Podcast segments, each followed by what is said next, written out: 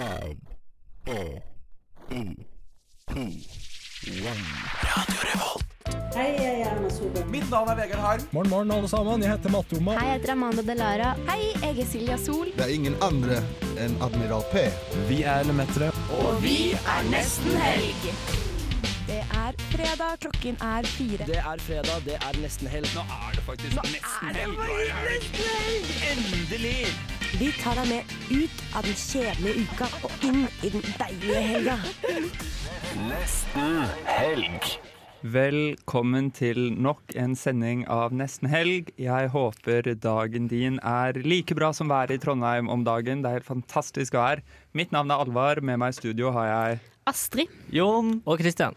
Og vi har en fantastisk sending i dag for å gire opp helgestemningen sammen med dere lytterne. Vi skal ha intervjuer bl.a. med Simon Stranger, forfatteren bak eh, boken 'Leksikon om lys og mørke', som blir satt opp på Trøndelag Teater med premiere i dag.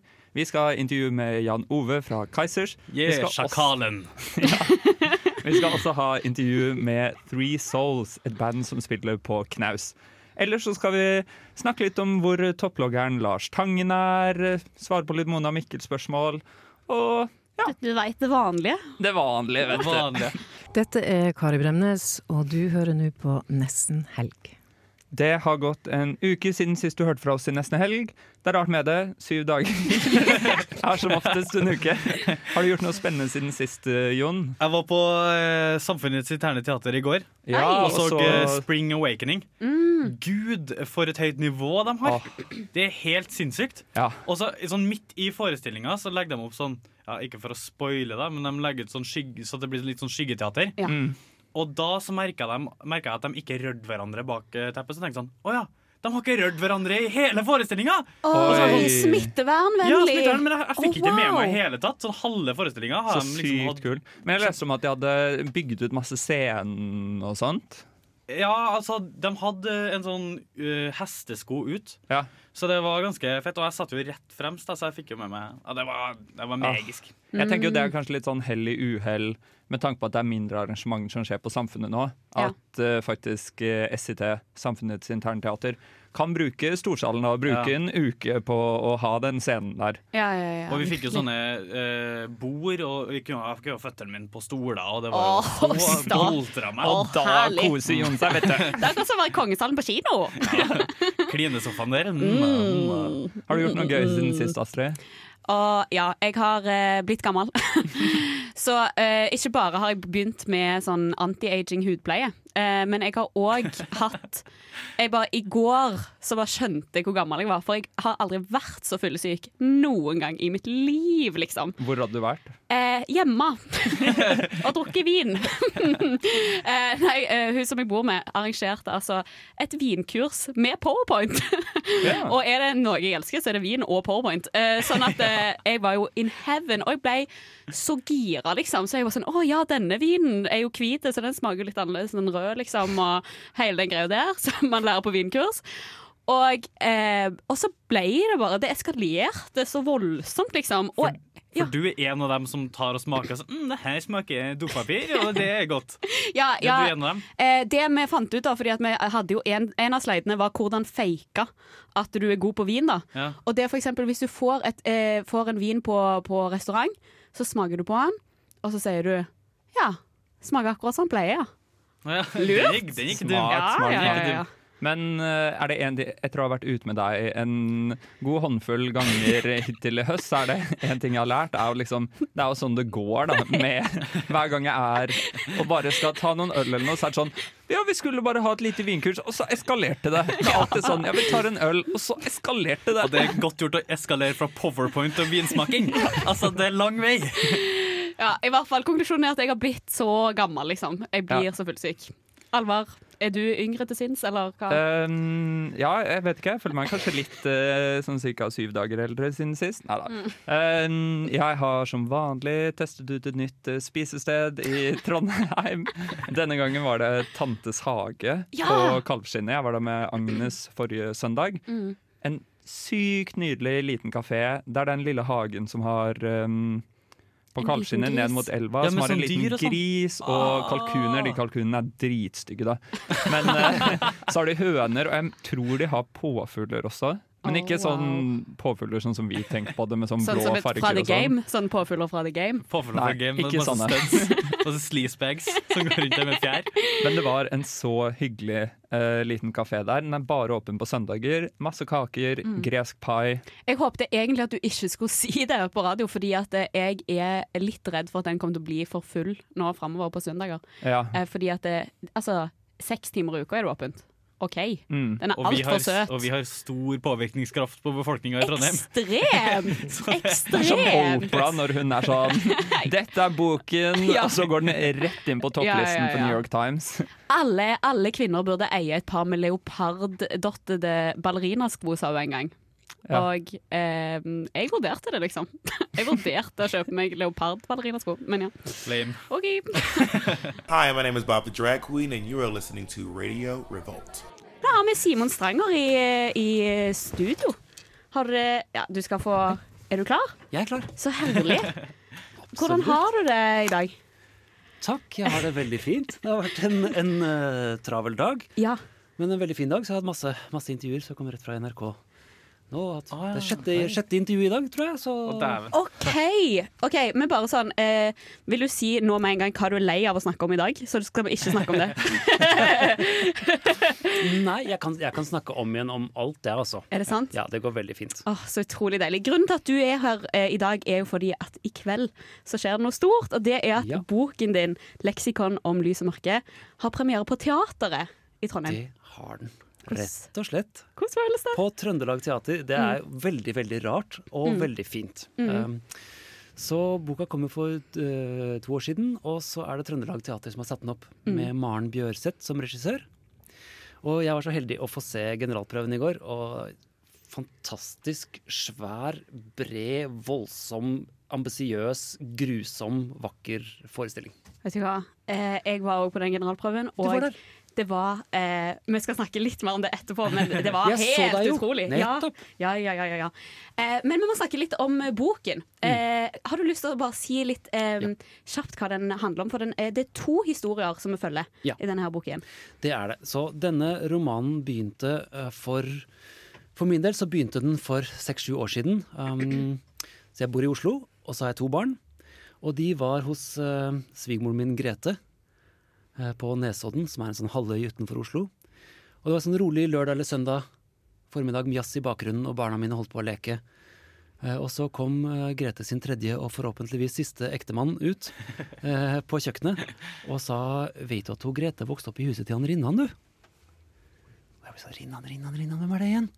Kom ikke på hvem det var. Um, Henry Oliver Rinnan, norsk nazist fra Levanger, født i 1915. eh, jobbet som spion, altså hemmelig agent for nazistene under krigen.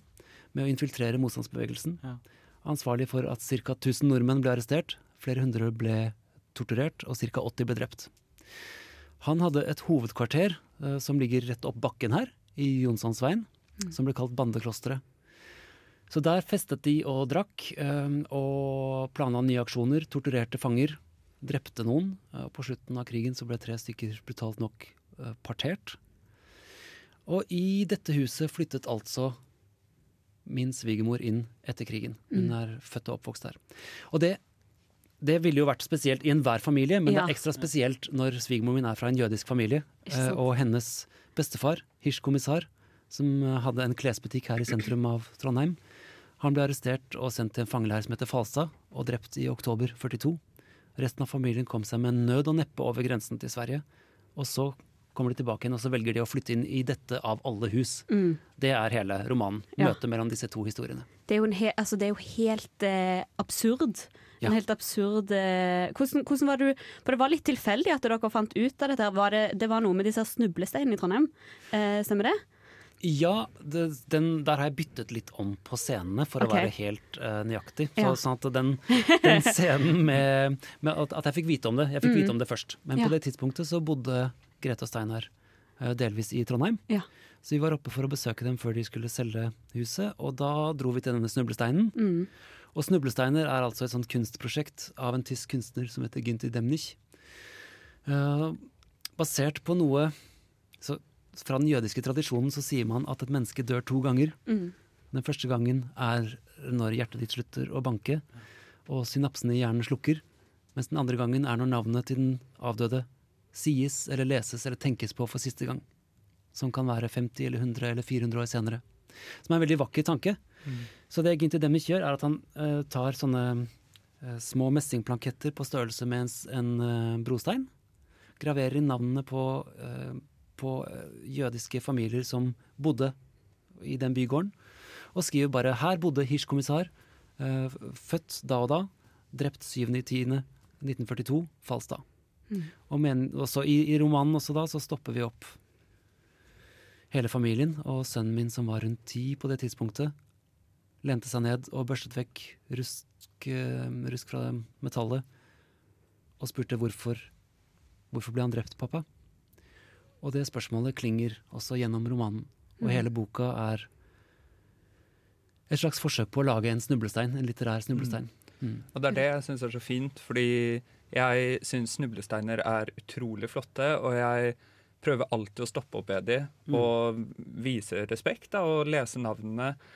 Og så begynner man å lage seg liksom tanker om hvem de var, da, hva slags Mm. personer de var. Og jeg bare syns at boken, det du sier om at boken skal være en snublestein, det var så utrolig fint å faktisk få vite så personlig om en av snublesteinene. Men jeg lurte på, fordi som forfatter så leter jo alltid etter noe å skrive.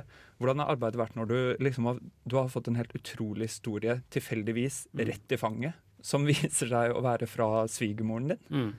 Hvordan har arbeidet vært da i å skulle skrive en em, roman så tett opp mot deg selv? Jeg har jobbet ganske sånn personlig før, så dette, er- dette er min femte roman for voksne. Og, så, så har skrevet, så jeg skrevet 15 bøker til sammen, tror jeg.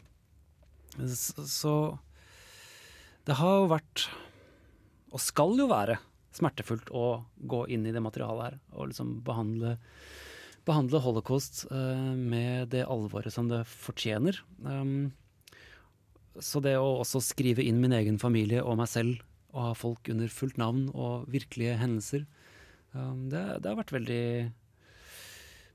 også, også veldig vakkert. Eh, Men det er um, Jeg tror aldri jeg har grått så mye under eh, arbeidet med en roman som jeg har gjort med denne her.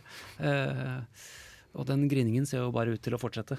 Jeg er veldig glad du har, eh, har gjort dette prosjektet, for jeg tror det har gitt glede til veldig mange og mye innsikt. Men jeg skal snakke litt mer om hvordan teateret er satt opp etterpå, men vi skal høre en liten låt først. Da er vi tilbake i studio med Simon Stranger, og eh, mens vi har hørt litt musikk her nå, så har vi jo prata om hvordan det var å se eh, sin egen bok bli eh, teatrifisert, hvis vi kan si det sånn. eh, og det er jeg nesten nødt til å si til de som hører på òg. Hvordan var det i går å få boken sin på scenen? Ah, det var utrolig fint, altså. Ah, Jeg har holdt meg utenfor denne produksjonen, så jeg har bare liksom lest manus på et tidspunkt og kommet med noe innspill og vært med på en leseprøve rett før koronastengingen. Men uh, utover det så har jeg ikke visst hvordan jeg skulle bli. Mm. Så jeg var så utrolig glad og takknemlig da jeg så det i går. Og morsomt nok, da jeg begynte å jobbe med denne romanen, som er altså da uh, alfabetisk, Mm. så, men da jeg skrev førsteutkastet, så skrev jeg med utgangspunkt i rommene i dette huset. Mm. Så at hvert kapittel i boka var et rom i huset, så kunne jeg la Rinnan gå inn der med fanger, samtidig som kommissarfamilien lekte eller spiste middag, eller Som jeg fortsatt tenker er en ganske god idé, men det fungerte ikke i det hele tatt i boka. så jeg måtte gjøre om. Men det har de jo gjort på scenen. Mm. Så scenen er jo et sånt svært hus, og så foregår, um, foregår det sånn at, at folk kan gli inn og ut av forskjellige roller. Ja. Så han som spiller Rinnan, spiller også sønnen min, eksempel. Ja. Som har Det er jo et valg som har en del dobbeltbunner. Mm. Og, du, eh, og du blir jo spilt eh, Det er noen som spiller deg òg, til og med, på den scenen. Var det, var det artig å se det, eller? Det var rart å se. Nei, det var veldig fint, altså. Det er en, Ja. det er en stor og veldig ambisiøs og flott forestilling med, liksom, Mm. med videoprojeksjoner, og det sa jeg i stad, kanskje, og live Ja. musikk og Jeg ble ikke fornærma av bare den delen. Liksom, alt var fint, og så «Nei, Han ligner ikke på meg! Nei, eh, Feil hår. Og, feil hår. Ja, Ja, nei, var overhodet ikke. Overhodet ikke. Og dette her, men dette her er jo deres produksjon. Det er Trøndelag Teater og, og regissøren og de skuespillerne sin, sin fortjeneste. Og deres, så det, det har jeg vært veldig tydelig på. Um, og film, TV- og filmrettighetene er også solgt. Og det er jo ikke sånn at du kan, du kan ikke sette en roman opp på scenen, og så skjer det noe ut av det. Så de må Mm. jo gjøre noe helt annet. Ja. Uh, og til det med du sa om, om boka og, og språk og sånn, som jeg har jobbet masse med. Mm. Det man kan gjøre på en scene, er jo å plutselig la folk bare bli silhuetter og har musikk. Plutselig så danser de jo, ikke sant. Mm, Det er ja. masse sånne vakre ting som tilhører bare scenespråket, da. Mm, virkelig. Men eh, det jeg syns var litt interessant, er jo at eh, Trøndelag Teater nå er jo, For det første, handlingen er jo satt i Trondheim. Mm. Men akkurat Trøndelag Teater har jo òg en litt spesiell eh, tilknytning til denne historien. Har du lyst til å si eh, Det er veldig fint at du sier, eh, fordi han som Henrik Gleditsch, som var teatersjef på uh, Trøndelag Teater i 19, uh, under krigen, Mm. han først så nektet han å heise uh, naziflagget. Og så, da de ville tvinge han til å gjøre det, så klippet han snorene, så at det ble umulig for noen å heise noe som helst flagg. Så ble han arrestert, Uh, og på, i, i 42 så var det en del sånne sabotasjeaksjoner fra motstandsbevegelsen, og en av de mest kjente heter Majavatn-aksjonen, hvor det var to tyske soldater som ble drept også, tror jeg. Da bestemte nazistene seg for å ta ti menn uh, som de skulle straffe, som kalles sonofrene, Uh, som skulle unngjelde for, um, for det som, som motstandsbevegelsen hadde gjort. En av de er Henry Gleditsch, så han ble tatt rett dagen før eh, premieren på Villanden på, på Trøndelag Teater. Så ble han eh, kjørt til Falstad, eh, og samme, samme morgen eh, Morgenen til 7. oktober 1942 så ble de tatt ut i Falstadskogen. Han og tippoldefaren til barna mine, Hirsch-kommissar, og åtte andre fra forskjellige deler av samfunns, samfunnet. eh, Og så ble de skutt. Og dette er noe eh, En del av det som er historien på, på teateret på Trøndelag Teater. Jeg syns det var Mm. veldig Ja, det er jo superspesielt at Mm. det settes opp der. Det gir det en ekstra dimensjon. mm. Hvor- Hvordan var det du fikk vite at de skulle sette opp eh, stykket ditt? Husker du den dagen? Var du Ja, ja, det husker jeg ganske godt. Eh, Da fikk jeg bare en telefon fra agency om at rettighetene til skuespillet var solgt. ja. Så da jublet jeg. Ja. Det, ja, hurra. Og eh, hurra, det sier vi òg, for at uh, du har vært uh, så uh, snill å komme hit til oss. eh, og vi anbefaler å sjekke ut eh, leksikon om lys og mørke på Trøndelag Teater, og ikke minst lese boken din. Tusen takk. Veldig hyggelig å være her med dere. Kjære Mona Mikkel. Jeg er en gutt på 13 år. Jeg er en jente på 12 år. Jeg er en jente på to år. Jeg er en gutt på 10 år. Jeg er kåt, hjelp meg! Er det vanlig med utflod? Venninna mi snuser, å nei! Hvordan slår jeg av? Får man kreft av å bruke bh? Nesten helg er Mona Mikkel. Det er Mona og Mikkel. Alvar, hva, er temaet på Mona og Mikkel i dag? Ja, jeg syns det er litt gøy, og Forrige uke så hadde vi et tema om eh, rumper. Eh, med Mona og Mikkels spørsmål angående rumper. Nå Har vi vokst opp i dag, da? Har vi vokst opp til i dag? Sju dager har gått. Syv dager har gått. Det verste var at uh, tidligere i dag når jeg satt og leste gjennom topplader, så tenkte jeg jeg, kan, jeg kunne sjøl rumper en gang til. For det er veldig mange som lurer på ta spørsmål av, ja. Veldig mange som lurer på spørsmål om bæsjen sin og alt mulig. Men i denne spalten så har vi gravd frem Mona Mikkel-spørsmål fra gamle topplader, og så skal vi gi en litt oppdatert eh, anbefaling til disse små. Verden er i forandring. hvis noen av de som har skrevet inn dette, Ja, hører på vær så snill, ta kontakt, liksom. Vær så snill. Her, eh, Temaet for denne uken er familie. Å, fint tema. Da starter vi med Kan jeg være kjæreste med min tremenning? Ja. det er egentlig svaret. Hei, jeg er en jente på 15 år som lurer på noe. Jeg tror, han, jeg tror jeg har følelser for en gutt som er tremenningen min. Moren min er altså søskenbarn med moren hans. Jeg lurte på om det er ulovlig å være kjæreste med han, eller om dette er normalt. Håper jeg får svar. Vil ikke gjøre noe som bryter loven. Ja, Altså, ikke sant? det bryter jo ikke loven, men jeg tenker sånn uh, Tremenningene mine, jeg kjenner ikke dem. Jeg, jeg, jeg har ikke noen relasjoner til dem. på en måte Ja, ja. Så sånn, Den tanken er ikke så rar. Men hvis jeg skal se for meg at ungene mine og ungene til søskenbarnet mitt har et forhold, det er rart. Det er Det er utrolig rart. Det er utrolig rart. Eh, men på den annen side så vil jeg si det at jeg ble ganske liberal på dette her punktet eh, da jeg leste Da du lå med tremenningen din? Da jeg lå med tremenningen min. Fuck. Eh, nei, eh, da jeg leste boken 'Søskenkjærlighet' av Katarina von Bridow, som jeg har hatt høytlesning på her faktisk på nesten helg i en tidligere episode, men så handler da om et forhold mellom en eh, bror og en søster. Herregud. Og som jeg bare syns var den vakreste kjærlighetshistorien når jeg var tolv. Og som jeg syns var utrolig hot. Men jeg tenker, jeg tenker ja, date tremenningen din. Ja. Vi lever i koronatider. Man kan maks være 50 på et privat arrangement, og da sparer du masse til bryllupet hvis Ja. du er samme familie som skal bli. Åh, det er så lurt. Det er så lurt. Er vi klare? Så kjør på med tremenningen din. Nå kommer det eh, to som henger sammen. Det er en som har sendt inn, og så er det en annen som har sendt inn også. Er, Her står det Mamma er 48 år og gjør det. Jeg har en mor som er 48 år. Hun er skilt fra min far og har fått en ny kjæreste. Jeg har funnet et, en kondom i skapet hennes og glidemiddel på nattbordet hennes. Jeg har hørt at de har hatt sex, så jeg vet at så jeg vet at det jeg trodde var sant. Er dette normalt? Jeg ble veldig redd og lei meg, for jeg trodde ikke folk over 40 gjorde det. Ja, er det normalt? Og så kommer det et oppfølging som jeg må lese i samme slengen. Til uh, hermetegn uh, Mamma er 48 år og gjør det. Jeg leste det spørsmålet ditt i Mona og Mikkel topp nummer syv, og tenkte at jeg burde skrive dette i håp om at du kanskje kunne lese dette. Jeg opplevde det samme for to år siden, og da var min mamma 48 og pappa 45. Jeg fikk sjokk og var tom inni meg veldig lenge. Jeg var livredd og stiv hele tiden. Noen ganger hadde jeg mareritt. Så fant jeg kondomer i skapet deres, dildoer og glidemiddel. Da brøt jeg skikkelig sammen og gråt veldig lenge. En dag var jeg med min aller beste venninne hjem, og på trappa hennes brøt jeg helt totalt sammen.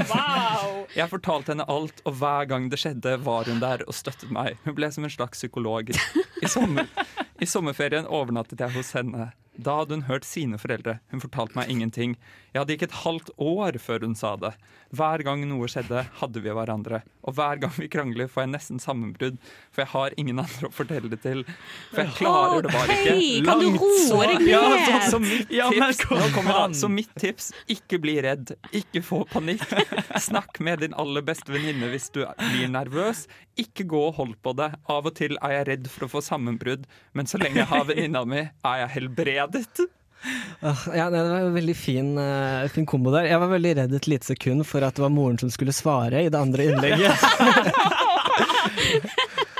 det hadde Oh, wow. fælt. Ja. Men jeg håper jo, altså når de spør på en måte Er det normalt, og sånn, så er jeg litt sånn God, I hope so! Siden Ja. jeg har begynt med anti-aging denne uken, så er jeg litt sånn der, OK, er tiden snart forbi? Er det sånn at når du bikker liksom, så og så mye, så skal du ikke ligge Ikke mer? 24.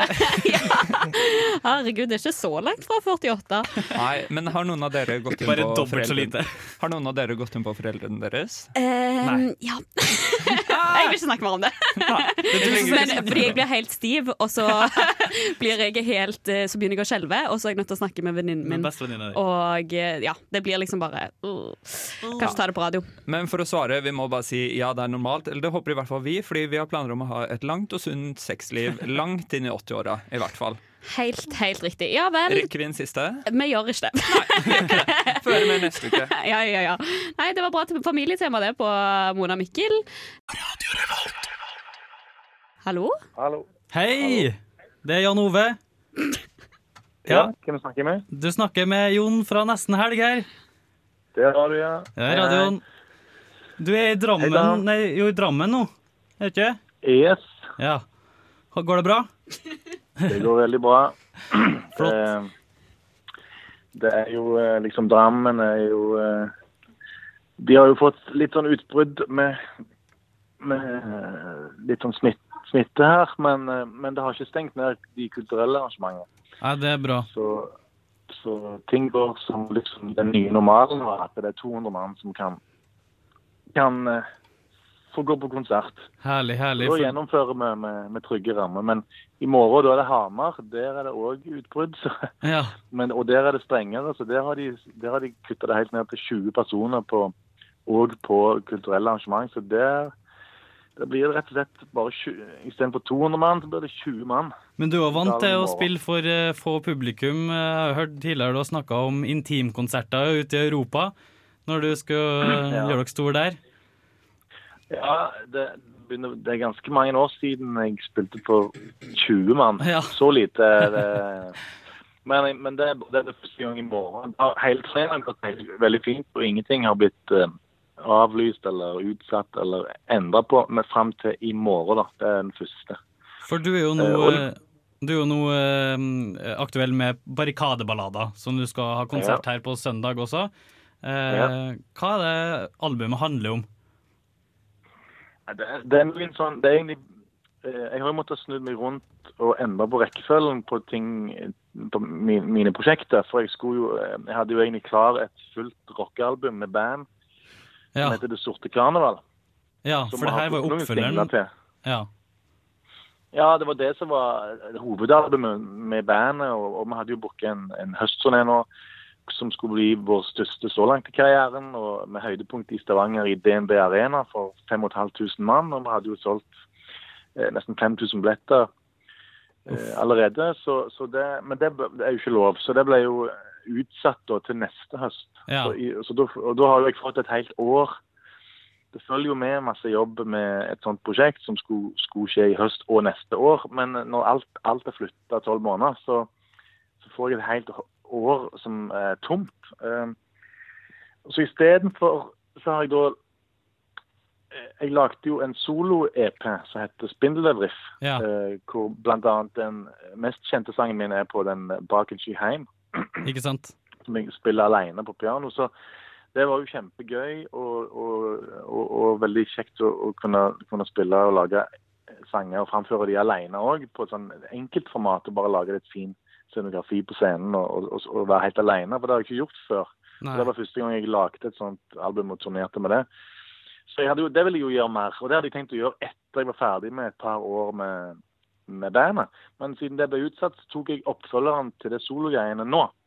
Så, så, og det er barrikadeballader. Så det, er- det, det er seks ganske rolige, fine låter som er spilt inn og framfører alene på piano eller gitar eller orgel. Og du har jo liksom Så- en fin blanding med fiksjon og realitet i låtene du skriver. eh, Og hvor er henter inspirasjonen for denne fiksjonen du oppdikter? Hvor oppsto den fra? Jeg, jeg syns sjøl at det, det er jo egentlig bare kreativitet og, tilfeldig sånn eh, si kunstneriske innfall. Men jeg er mest inspirert av fra film kan du si, og serier, Ja. altså TV, TV, som jo er ganske sånn ultimat format på en eller annen måte. At det er jo både, både bilde og foto og, og farger Og musikk. og, og musikk og bevegelse og scenografi og historiefortelling og karakterer. Men fra det her og, og, Fra denne fiksjonen og realiteten som du skriver om, låtskriving kan jo være veldig utleverende til tider, men hva er det du syns er skumlest å skrive om? Syns du det er skumlest å legge sjela di i karakterer og univers, eller er det å skrive om ja, sønnen din som flytter ut fra heimen? det, det, det er skumle ting med begge deler. Det er liksom en vågelig ting i det hele tatt å skrive en sang og en tekst og på en måte framføre den og stå litt inne for den. For at det, man, får jo, man har jo lyst til at det skal komme ifra rett sted, ifra hjertet egentlig. Eh, Ja. og med rene intensjoner, men at man òg har altså For kunsten sin del at det er, det er ikke en sånn det er ikke en sånn en, eh, skal aller helst ikke ha en utspekulert strategisk tanke om at det skal være så smart å synge om et eller annet tema, så derfor gjør jeg det. Det er mer, det kommer fra hjertet, og, Ja. og man, man, det er vel, vel meint. Både når det, når det er fiktivt, og når det er mer personlig. Så, så det er skummelt begge deler å prøve å treffe prøve å og, ja, og, og, som jeg skriver i en sang, som eh, det rett og slett sier, sier det sånn som det er, at eh, med, eh, jeg vrenger jo min sjel og lukker opp mitt hjerte og slipper det ut, eh, som, som du. Altså eh, som, som, som andre gjør, og som jeg gjør. Og det er en, det er en, det er en modig øvelse for alle å, å gjøre. Så man skal finne den rette balansen på ting, egentlig. På hva man skal si. Når det er eh, både fiktivt, at det ikke blir Ja. drøyt at det blir, at det blir teit, eller sånn eh, flåsete, sånn langt ifra virkeligheten, så det er liksom ikke noe kjenne igjen. Det skal jo helst være, selv om det er fiktivt, at det, at det kan være vel så rørende å å- å bevege deg og kanskje være sant, inspirerende eller whatever. at Det er det som det skal Absolutt. gi, men selvfølgelig de personlige tekstene skjønner folk eh, raskere at kan både være eh, det er rørende på et mer sånn direkte plan. Og, men der kan det òg bli kleint. hvis sant, du går en fine line når det blir for utleverende. på en måte. Ja, det skal ikke bli privat. Det.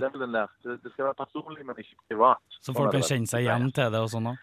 Og nå Ja. skal vi Vi skal øh, få høre en av låtene dine nå fra det nye albumet. Vi skal høre 'Eg spår' fra Ja. Barrikadeblader.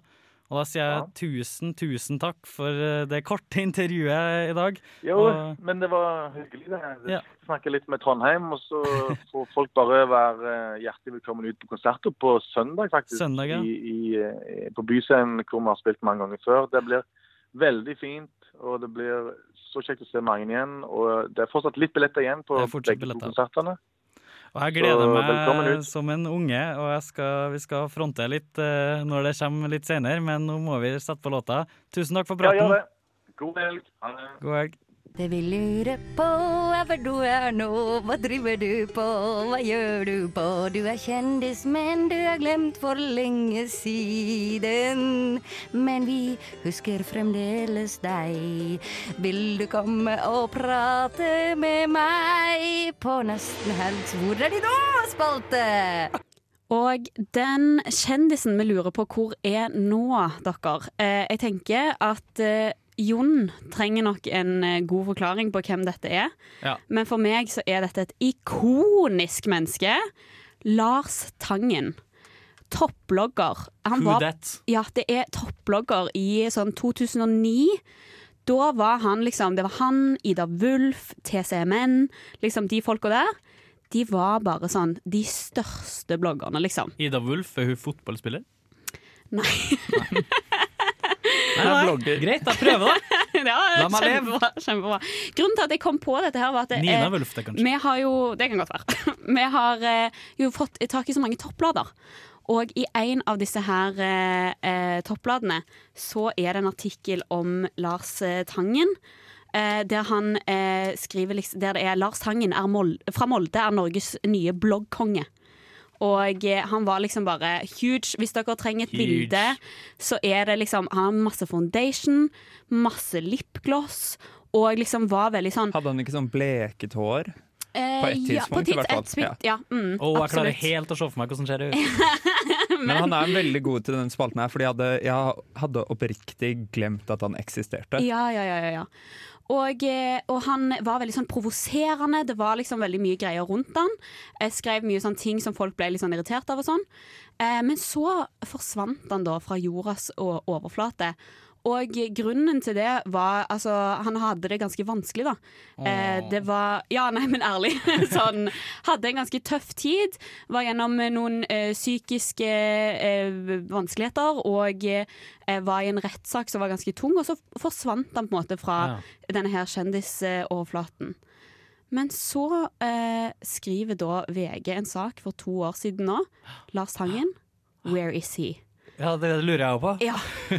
Og hvor er han? Han er altså i LA. Eh. Flytta til LA. Big Har tatt, seg, tatt en bachelorgrad i journalistikk. Eh, Applaus Ja. for det. Gifta seg er nå i femte året. Femte året på, i ekteskapet sitt med Phil Anchorman. Eh, nei. Anchor, Anchor Fuck, samme det. Heter han Anchorfuck? Anchorfuck. Men jeg må spørre, han har, vært, han, har vært, han har rukket å ta en bachelor og vært gift i fem år. Hvor Ja. gammel er egentlig Lars Tangen? Eh, Lars Tangen er født i 93, Ja. så han er ja. Det er ungt. Mm, og har vært gift i fem år eh, med denne her mannen, og han er 35 år eldre, så det var jo òg en sånn big deal. Men der har jo de sagt at eh, vi bryr oss ikke om haterne, vi liksom har det veldig fint sammen. Og det som har skjedd nå, da, det er at dette her ekteparet, da, de har begynt å videoblogge. Mm. Og eh, Tilbake det i er- rampelyset. Ja, ja, ja. Ja, ja. Og de har begynt å videoblogge. Og eh, jeg bare si det er litt dårlig lydkvalitet, for de har ikke fått så bra lydutstyr. Men jeg har eh, klippa ut mine favorittmoments fra disse her eh, videobloggene, og de skal vi høre eh, på nå. Hiya. Hiya. This is Married Life. Married Life 2020. Her er Lars Tangen og min ektemann, my husband, Phil Ackerman. I am Phil, the American husband. Honey, where are you? Come on, come on, come on, come on, come on. How do you say say I in Norwegian? E, Eik, Eik, Eik, Eik. No. Eik. Oh, jeg, jeg, add N. No, you're supposed to be the daddy here. Altså, hvor tregt går det an å pirate Jeg bare lurer på Ja, det var det jeg om du også skal skulle si. Det var norsk. utrolig sånn Ja. er det, Vi har drevet med meditasjon denne uka her. Er det noen sånne meditasjonsvideoer? For det var veldig rolig stemning. Det verste er at jeg har klippa ut så mange sånn pauser mellom alle ordene. Jeg har gjort et så grundig klipparbeid for å speede opp dette. Jeg likte klippet. Uh, jeg, jeg er en mann You're supposed to be my daddy. Ja, det jo å si, men det er litt kryssklipping der, altså. Litt tikling med fakta. Men du nevnte at han hadde en bachelor i journalistikk. Eh, Men hva jobb, jobber han, eller Ja, lever han på denne eh, mannen? Ja, de, har, de driver en, en frisørsalong i Beverly Hills, men han det eh, er jo Jan Thomas Ja, og han der eh, første kjæresten sin som var eh, halvparten av alderen. Ja, og, de, og de, også i tillegg så tror jeg han, eh, han mannen driver eh, med litt sånn smykkelaging og sånn. Eh, Så jeg vet ikke om de tjener mye penger på det, men de har i hvert fall den salongen. Ja, men det tok jo som litt tid er- før Jan Thomas ble stor òg. Ja! Altså, Jeg har så troen på at dette her kommer til å bli det nye stjerneparet. Men i tillegg så har de jo da det beste av, og den beste nyheten, at for tre uker siden så flytta, flytta de til Oslo, til Frogner. Which, uh, we're Thomas. in Vigelandsparken right now! og det er bare så god stemning. Ja, den Thomas, watch your fucking back, fordi nå er det et annet eh, Et annet homofilt par med stor aldersforskjell innen salongbransjen Innen som er ute etter ditt imperie. 110% Altså, jeg gleder meg til fortsettelsen. Hei, dette er Fay Wiltagen, og du hører på Nesten Helg. Nå har vi fått nytt besøk i studio. Vi har fått besøk av eh, tre av medlemmene fra bandet Three Souls. Velkommen skal dere være. Tusen takk. Tusen takk. Eh, vil dere introdusere dere selv? Ja. Yeah. uh, jeg heter Konstantin og spiller gitar. Jeg heter Sem, jeg synger. Jeg heter Lars og spiller saksofon. Og det passer jo veldig godt at uh, vi bare har tre av dere i studio pga. koronasmittevernregler. Ikke navnet, altså. Ja, sånn er Nei. Og det er det, mitt første spørsmål er hvorfor heter dere Three Souls når dere egentlig er syv i bandet? Det er en litt sånn meme-aktig greie, fordi eh, da dette bandet ble laget, så var det fire stykker, men en av de var Ginger. Er Ginger. Han er ikke Han lever. Han lever. Beste velgående. Ja da. Ja. Så utrolig gøy, men òg veldig sånn der 2009-joke. Veldig. Har dere vært et band lenge, eller? Ikke siden 2009. Dessverre. Så utrolig gøy. Dere spiller konsert på Knaus på klubben i dag eh, klokken 10 eller 21.59. Det er gratis, man må bare melde seg på for de som hører på. Så melder dere på på samfunnet.no. Og dere kommer jo med et nytt album om ikke så lenge. Mm. Som dere har sluppet eh, to nye singler fra. Kan dere fortelle litt om det nye albumet, i motsetning til eh, deres eh, første debut? Vel, det forrige albumet er veldig sånn gå rett i studio, spill et, et album og mer eller mindre bare gi det ut. Eh, I det albumet Eller det vi fant ut, da, var at vi klarte liksom eh, med ikke sånn helt 100% hell å få ut det vi hadde lyst å få ut av et album av den innspillingsformen. Så denne gangen så har vi jobbet veldig annerledes. Mm. Så det er blitt brukt mye mer tid på å gjøre det fra en haug av låter til å bli et album. Ja. Og hva er det dere håper å få ut med albumet da? Nei, hva ønsker vi å få ut av det? Great success. Great success. Inter satser dere internasjonalt? Tja, vi får se hva som skjer. La oss håpe det. Ja. Vente til Europa blir eh, grønt igjen. Ja, det, det var jo liksom litt sånn eh, uheldig med den her eh, pandemien, da. Ja. Mm. Passa Ja. liksom litt dårlig. Og skulle Det er Gud da. som har pekt seg ut. Three Souls, la meg fucke opp albumpromoen deres. Ja, ja, ja, ja. Spesifikt dere. Men dere har spilt en del konserter nå i det siste. Hvordan har det vært å spille konserter med korona, og folk som sitter og Eh, det har gått greit. Det er jo litt kjipt fordi at vi er et band som uh, spiller musikk som man helst skal danse til. Ja, dere har veldig dansbar musikk. Ja. Uh, så, det, så det har vært en litt sånn omstilling å klare å få gira publikum nok selv om de sitter. Men det har i og for seg gått ganske greit. Det har gått ganske bra. Ja, Mm. Folk sitter og danser selv om de må sitte på stolen. Jeg tror folk er så utsultet på konsert at de kommer Ja, folk er gira. Ja, ja. Virkelig. Ja, det kjenner vi på. Ja. Men sitter folk liksom og danser med armene sine? Sitter de sånn hopper litt eh, på stolen sånn? Eller Det er så mange fine Ja. Er det mange bra varianter av det, Ja, veldig mye. Folk er kreative. Ja, Du kan jo få til noe sånn det- armflashmob, eh, et eller annet sånn Ja, jeg tenkte, armkoreografi. tenkte faktisk på det, at vi burde gjøre noe egentlig Lage koreografi. Lage en koreografi Ja. til hva publikum. Koronakoreografien. Mm. Ja, Eller bare har- en sånn stor eh, sånn videoshowcase av liksom ideer vi har til hva de kan gjøre. Sånn instruksjonsvideo i bakgrunnen. Ja, hvordan danse under koronapandemien. Nå er det veldig fin dans her i studio, men eh, det kommer dessverre ikke med på radio. Men dere har jo fire timer på dere til konsertene, så jeg sier bare get to work, jeg. Med koreografi og video og alt mulig. Vi er jo eh, et helgeprogram som heter Nesten helg, så vi Oppgaven vår er å gire folk opp for å Eller gi tips eh, og gire opp for at folk skal ha den best mulige helgen. Så jeg lurte på, har dere Hva er tipset deres for å ha den best mulige helgen? Kom på konsert! Kom på konsert! Klokka 23.59. Ja, 23.59. Det er riktignok utsolgt, men det, det er fullt. Men eh, ja, ja, ja. Nei, Men stå du- utenfor. Stå utenfor. Det er tipset fra en god helg. kan, der kan man danse. Og hvis du Nei, ikke ikke, gjør det. Stå hvis- langt unna hverandre. hvis du ikke skaffer deg billetter til i kveld, så er det også mulig å høre på oss eh, hjemme. Ja, dere er på Spotify. Ja. Eller så kan du faktisk få høre på dere akkurat nå. Vi skal høre en låt fra dere. Tusen takk for at dere ville komme til oss i studio. Nå skal vi høre Less Work Theory av Three Souls. Jeg tenker jo at jeg vil bli litt mer Jeg tenker det hadde vært lurt å prøve OK, denne uken Vi prøver det. Jeg vil bli litt mer spirituell. Bli veganer, kanskje. Være mer åpen. Blir vi bedre mennesker? Eller litt dårligere mennesker? Forbedring eller forfall? Det har vært en ny uke med en ny challenge. Denne uken som har vært nå, så har vi prøvd å blitt litt mer zen. Dritt-challenge. Så vi har hatt uh, som Mm, mm, challenge mm. at vi må i én time hver dag uh, gjøre, enten gjøre yoga eller meditere. En time?! Man kan Mm. dele opp sånn som man vil. Ja, jeg er helt enig, det var en jævlig challenge. Ja, det var helt eh, eh, Det jeg fant ut, på en måte, at eh, meditasjon det kan du få tid til mange ganger i løpet av en dag.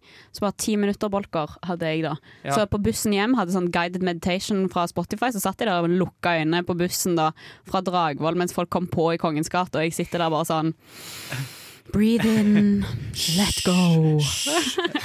Ja, fordi, hadde dere en fast eh, dagsplan på hvordan dere fikk inn den Ja, timen? Ja, hvordan jeg var din, gjorde Jon? det. Um, jeg starta med å ha det på kvelden, så tok jeg en halvtime yoga, og så før jeg la meg, så tok jeg en halvtime meditasjon. En halvtime meditasjon er så fuckings lenge, det. Og det er dritlenge, så jeg måtte jo ta det opp i 15 minutter, og så Ja. ble jeg jo litt irritert. Og så, men sånn dagen etterpå sånn, så tok jeg bare Nei, jeg gjør det med en gang jeg våkner. Mm. For jeg bruker lang tid på å stige opp uansett. Mm. Jeg er trøtt. Mm. Så jeg lå egentlig i senga, så satte jeg på ti minutter alarm, eh, så jeg ikke sovna. Og så bare tenkte jeg på tærne min. ja, det, det er det Du hadde ikke noe Ja. sånn guided uh, Nei, greie? nei, jeg bare, bare hadde det rolig. Og så tenkte jeg på ting, tenkte på ting, ikke sov, ikke sov, ikke sov. Og så kom den må- alarmen, og så ja, opp igjen. Og så OK, men, okay men Jon, har du meditert før? Altså, eh, litt av greia er at du skal stoppe den tankestrømmen og trekke den tilbake, så du skal jo tenke på minst mulig. Ja, men i alle de guidene så ser vi 'tenk på tærne din', og Ja. så på knærne dine. Ja, sånn, ja, ja, ja. ja. Fair, Ja. fair point. Hvordan var din plan, eh, Astrid? Du bare satte på en buss og så kjørte du en time med Bare kjørte rundt. meditasjon? Nei, altså, jeg prøvde jo å begynne med litt sånn der morgen-yoga først, og så at jeg tok liksom 20 minutter og 10 minutter meditasjon om morgenen, og så 20 minutter og 10 minutter om kvelden. Det funka i én dag. Ja. Eh, og så eh, syns du det er litt drit å holde på med det om morgenen, liksom. Ja. Eh, Mm. Men hvis jeg skal si liksom noe om hvordan jeg føler meg, og sånn da, så eh, må jeg jo si at det er spesielt eh, Altså, det er jo veldig En time er altfor mye, Ja. men så mange sånn videoer og greier og eh, guida meditasjoner som finnes, som er på sånn syv minutter, ti minutter. Ah, du får egentlig tid til det, da. Jeg har bare Eh, mista en times søvn jeg, nå, egentlig. ja, ja, jeg vet Det er bare det. er for, forfall som ja. Ja, ja, for deg er det 100 forfall. Og så føler jeg, 100%. Ok. føler jeg egentlig at sånn Dette er noe man gjør for å få litt mer ro i hverdagen, Ja. men jeg hadde veldig mye å gjøre denne uken. Og jeg ble så utrolig stressa at jeg skulle få tid til en time. Men jeg tror at hvis vi hadde hatt ti minutter meditasjon hver dag, så hadde jeg elsket det. Det er for at Vi går jo overboard på dette. her Vi Ja. skal jo egentlig, det her skal være en forbrukerguide. Ja, Så sånn, ja, ja. Går det an? Ja. Men vi bare sånn Nei, går det an å ta tolv timer meditasjon da? Gjør det, eller så slår vi deg i trynet! Ja, jeg vet det. Det er så hardt. Men jeg, altså, jeg kjenner meg veldig igjen med det at det, eh, det er deilig å gjøre det, men det der at du skal sitte og stresse hele dagen om å få plass til Mm. eh, Fordi jeg ble stående da på Dragevoll en dag. Og gjemme meg inne på ammerommet på Dragvoll med Adrian der han er, med eh, sånn der yoga for eh, dorm rooms. For jeg måtte jo ta en sånn der en plass det var lite plass, da.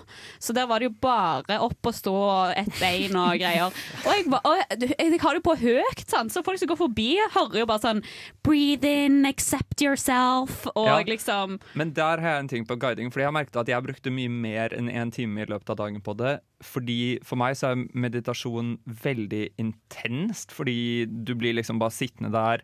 Altså når jeg, jeg hadde en sånn app da hvor jeg driver Mm. og finner sånne små guider, men jeg ble så sykt opptatt av hvordan stemmene til disse Ja. guidene var. Fordi Mm. hvis det var en bitte liten tone jeg ikke likte, så måtte jeg liksom inn og finne en ny. Så jeg ble, brukte jo en halvtime på å liksom finne min guide hver okay, eneste dag. Men OK, forfall eller forbedring? Ja. Forfall. Ja.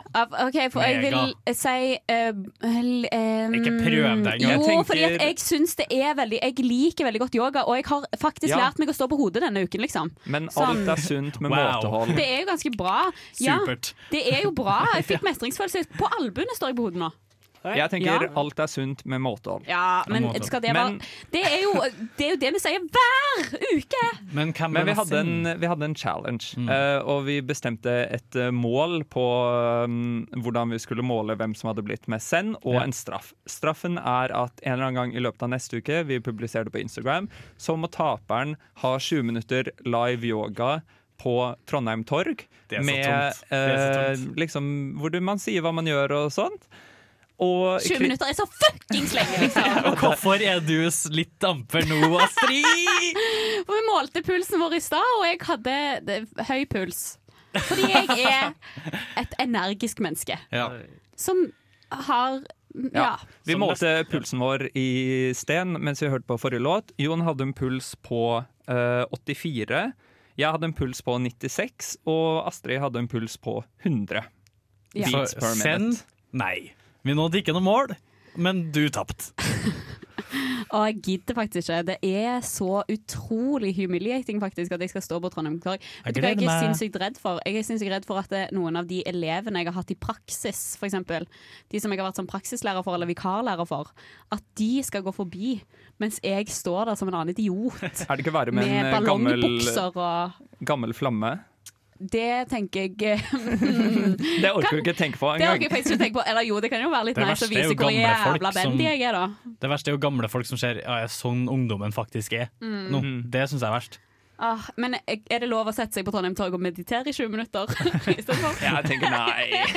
Men, Ja, ja. men, men det kommer jo en ny uke neste uke, og nå skal vi endelig ha en challenge som ikke spiser en tid av uh, dagen vår. Mm. Vi skal ha en ganske morsom challenge, da, som jeg føler at faktisk Fordi nå har vi testet veldig mange ting som er sånn meditasjon, så er det sånn ja, Seff blir du et bedre menneske av å meditere, men nå skal vi Mm. Teste ingen av oss ble det. men nå skal vi teste noe som er sånn Det kan slå så veldig begge veier.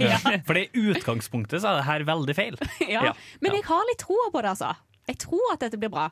Fortell hva challengen er. Da. Vi skal Hver morgen så må vi drikke en øl til frokostene. En halvliter. En halvliter. Og rett før vi pusser tenna og går ut døren, så må vi ta en shot.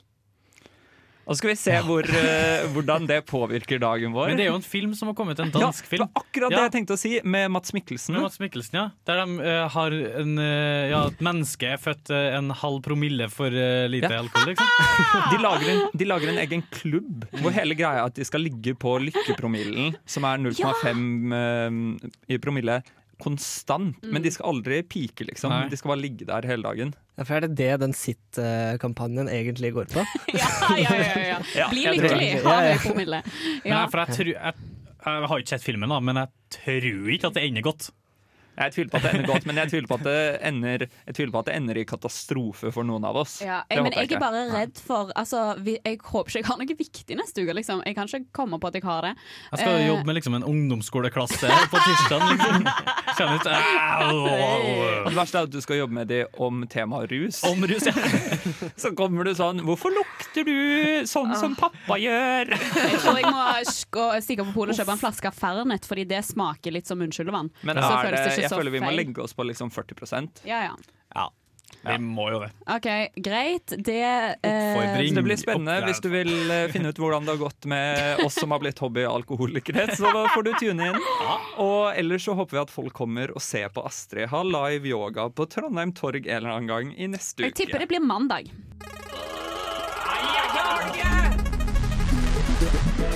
Nei, Jon Almås. Aurora. Yes, Jan Eggum. Vegard Harm igjen. Nesten helgs intervjurulett. Intervjuruletten. Velkommen tilbake til en ny uke med Intervjuruletten. Eh, spalten hvor vi intervjuer oss selv i mangel på intervjuobjekter. Eh, Men allikevel eh, så trekker vi jo Vi trekker jo én lapp eh, fra Den magiske hatten hvem av oss i studio som skal bli intervjua. Ja. Hvilket intervjuobjekt vi skal være. Mm. Og så eh, blir det intervju om et eh, tema som vi kommer på. Ja. Og jeg Mm. føler meg utsatt, for nå har ikke jeg vært med på planlegginga i det hele tatt. Nei. Og jeg har ikke vært Du, det er i hvert fall jeg som har laget lappene, så du har 50% sjanse for å bli trukket. Ok, okay, er Skal vi trekke hvem? Ja. Blir det Astrid, blir det Jon? Hvem vet? Jon! Nei, er det sant? Nei. Så deilig for meg. Så deilig for meg. Skal vi se hvem du skal være da, Jon? Hvem jeg og Astrid skal intervjue? Det er jo et hav av kjendiser der ute, så det, er jo, det kan jo være hvem som helst. Det er en veldig kjent kjendis. Det er Stitch fra Lilo Stitch. Fra Lilo Stitch? ja! What? yes. Uh, OK, vent, da. Skal vi Altså, det er Jeg skal bare komme på et tema. Jeg vil bare eh, nevne tema. hvor eksklusivt dette intervjuet med Stitch har ikke gitt intervjuer på eh, hvor mange år? Ti? Ti år! Og nå er han her på nesten helg. OK, jeg har et tema. Vi kan begynne. Yeah. Eh, yeah. Hei, eh, og velkommen i studio, Stitch. Takk Takk for Ja, fordi du har jo lenge vært eh, Hawaii sin eh, maskot i form av for turisme, men nå har de trukket den stillingen. Og oh. familien din har også eh, rett og slett, eh, hva sier man? Eh, Forlatt deg. Forlatt deg. På grunn av selvfølgelig skandalen. Vil du fortelle litt mer om hva som skjedde? Altså Jeg har Jeg har seks armer. Og, og Li Lilo har ingen. For jeg rev dem av. Jeg vet ikke hva som skal gå, med. jeg er fra et romvesen, OK? Så det må være lov. Det må være lov. Ja, så hvis du mangler et par med armer, og det er noen rett foran deg, tenker jeg at det, selvfølgelig er det fristende å bare ta de. Så nå har jeg åtte. Men hvordan reagerte Lilo når eh, dette skjedde? Hun er død. Hun blødde i hjel. Hun blødde i hjel, og familien flytta fra meg. Jeg vet ikke hvorfor. Men, det fordi- første ja. du lærte deg på uh, På jorda. På, På jorden, eller det første du lærte deg på et språk, da var jo Ohana står for familie. Og familie, der blir Det ingen står- forlatt. Familie. Og nå skal jeg bli med Vin Diesel. Jeg vet ikke hvilken dialekt det er. Nå skal jeg bli med Vin Diesel på nye Fast and Fierce, for vi vet at alle betyr F betyr familie. Familie. Jeg svetter, svetter som fino. Please, la meg, la meg komme ut av det her. Uh, et siste spørsmål. Uh. Hva er planene for resten av 2020, Stitch? til planen for 2020 er å lage en ny serie som handler om Stitch. Er det, et han eh, Snitches Get Stitches? Ja. Det skal være med Six Nine. Tusen La meg forlate det her universet Ja, nå! please, please. Tusen takk for at du gadd å ta på deg den rollen der, eh, eh, Jon eller Stitch. Hei, jeg er Silja Sol, og du hører på Nesten helg på Radio Revolt. Det er trist, men eh, det går mot helg. Nei, det er ikke så trist, egentlig. Jeg gleder meg til nå er helgene. jeg- nå- ok, Etter i stad er jeg ganske klar for helg, faktisk. Ja, jeg kjenner at jeg har vært eh, klar eh, for helg siden forrige helg, fordi jeg har bare hatt en helt eh, drittuke. Eller sånn slitsom uke, føler jeg. Skal vi avslutte på et negativt Nei, det er det vi ikke skal. opp- det er det igjen her nå, Det er det vi ikke skal, fordi nå Mm. er det nesten helg, og Jeg jeg gleder meg så mye. På meditasjonen breathe in, accept, breathe out, let go. Så nå lar vi den uh, uka som har vært, gå, Ja. og så går vi inn i helgen. Og vi skal inn i en artig helg og en artig uke. Ja. Altså, Drikk hver dag, det er jo, det er jo en feberdrøm. Ja, herregud. Men ja, det, her må vi spole tilbake. Hva skal du egentlig i helgen, Jon? Ja, Drikke hver dag? eh, nei. Jeg jeg jeg sa bare ja fordi det er det du pleier å gjøre. Nei, nei, jeg pleier. Eh, vi skal jo på premiere nå. Ja. Lys og mørke. Leksikon Lys og mørke. Det- Jeg gleder meg så mye! Jeg gleder meg så mye. Jeg føler jeg liksom bare åpner Jeg de holder på nå og driver bare Ja. åpner sinnet mitt og bare er klar. Mm. Her blir eh, tredje dagen på rad jeg på teater nå, så jeg føler meg Åh. ganske sånn høykulturell og fin. Herman, så utrolig flott. Rosendal, eh, interne teater på Samfunnet, og så Trøndelag Teater. Oi, det, oi. det er trifecta. Ja, altså Det er jo helt fantastisk. Altså føler du deg, Det burde jo nesten være en sånn forbedring og forfall. Føler du deg, er det forbedring eller forfall? Det er megaforbedring. Jeg føler du er mye bedre òg. Jeg blir litt stressa da, med de nye eh, kravene, og sånn, og så er det liksom mye folk. da Men eh, Mm. munnbind er bra, det.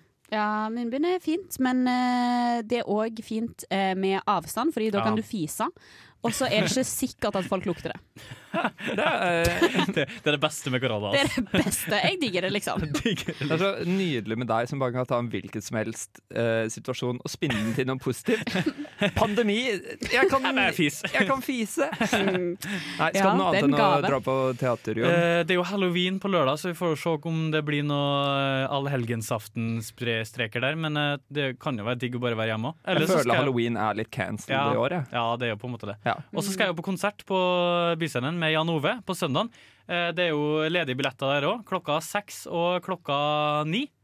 Jeg skal på den klokka ni, så vær der og skal skrive autografer. Og kjenner jeg deg rett, så er du litt sånn Du gleder deg ikke så mye til den konserten? Å, jeg gleder meg! Og jeg skal ha tatt med, med mine to brødre. De vet ikke om det ennå, så jeg håper ikke de hører på. Oi, Det gjør det er veldig hyggelig. Har, du, har du gitt dem en sånn fake plan for hva dere skal? Jeg har sagt de dem så, Når begynner konserten? Og så sier jeg nei, du vet ikke at vi skal på konsert. oh, ja, men kom til meg klokka seks. Ja, ok Skal du Å, noe gøy i helgen, Astrid? Eh, jeg skal være med venner. Eh, jeg lurer på om at jeg skal ta så, eh, Fordi Jeg vet ikke om jeg fikk med meg alt det som ble sagt på det vinkurset, så jeg tror kanskje jeg må ha en repetisjon.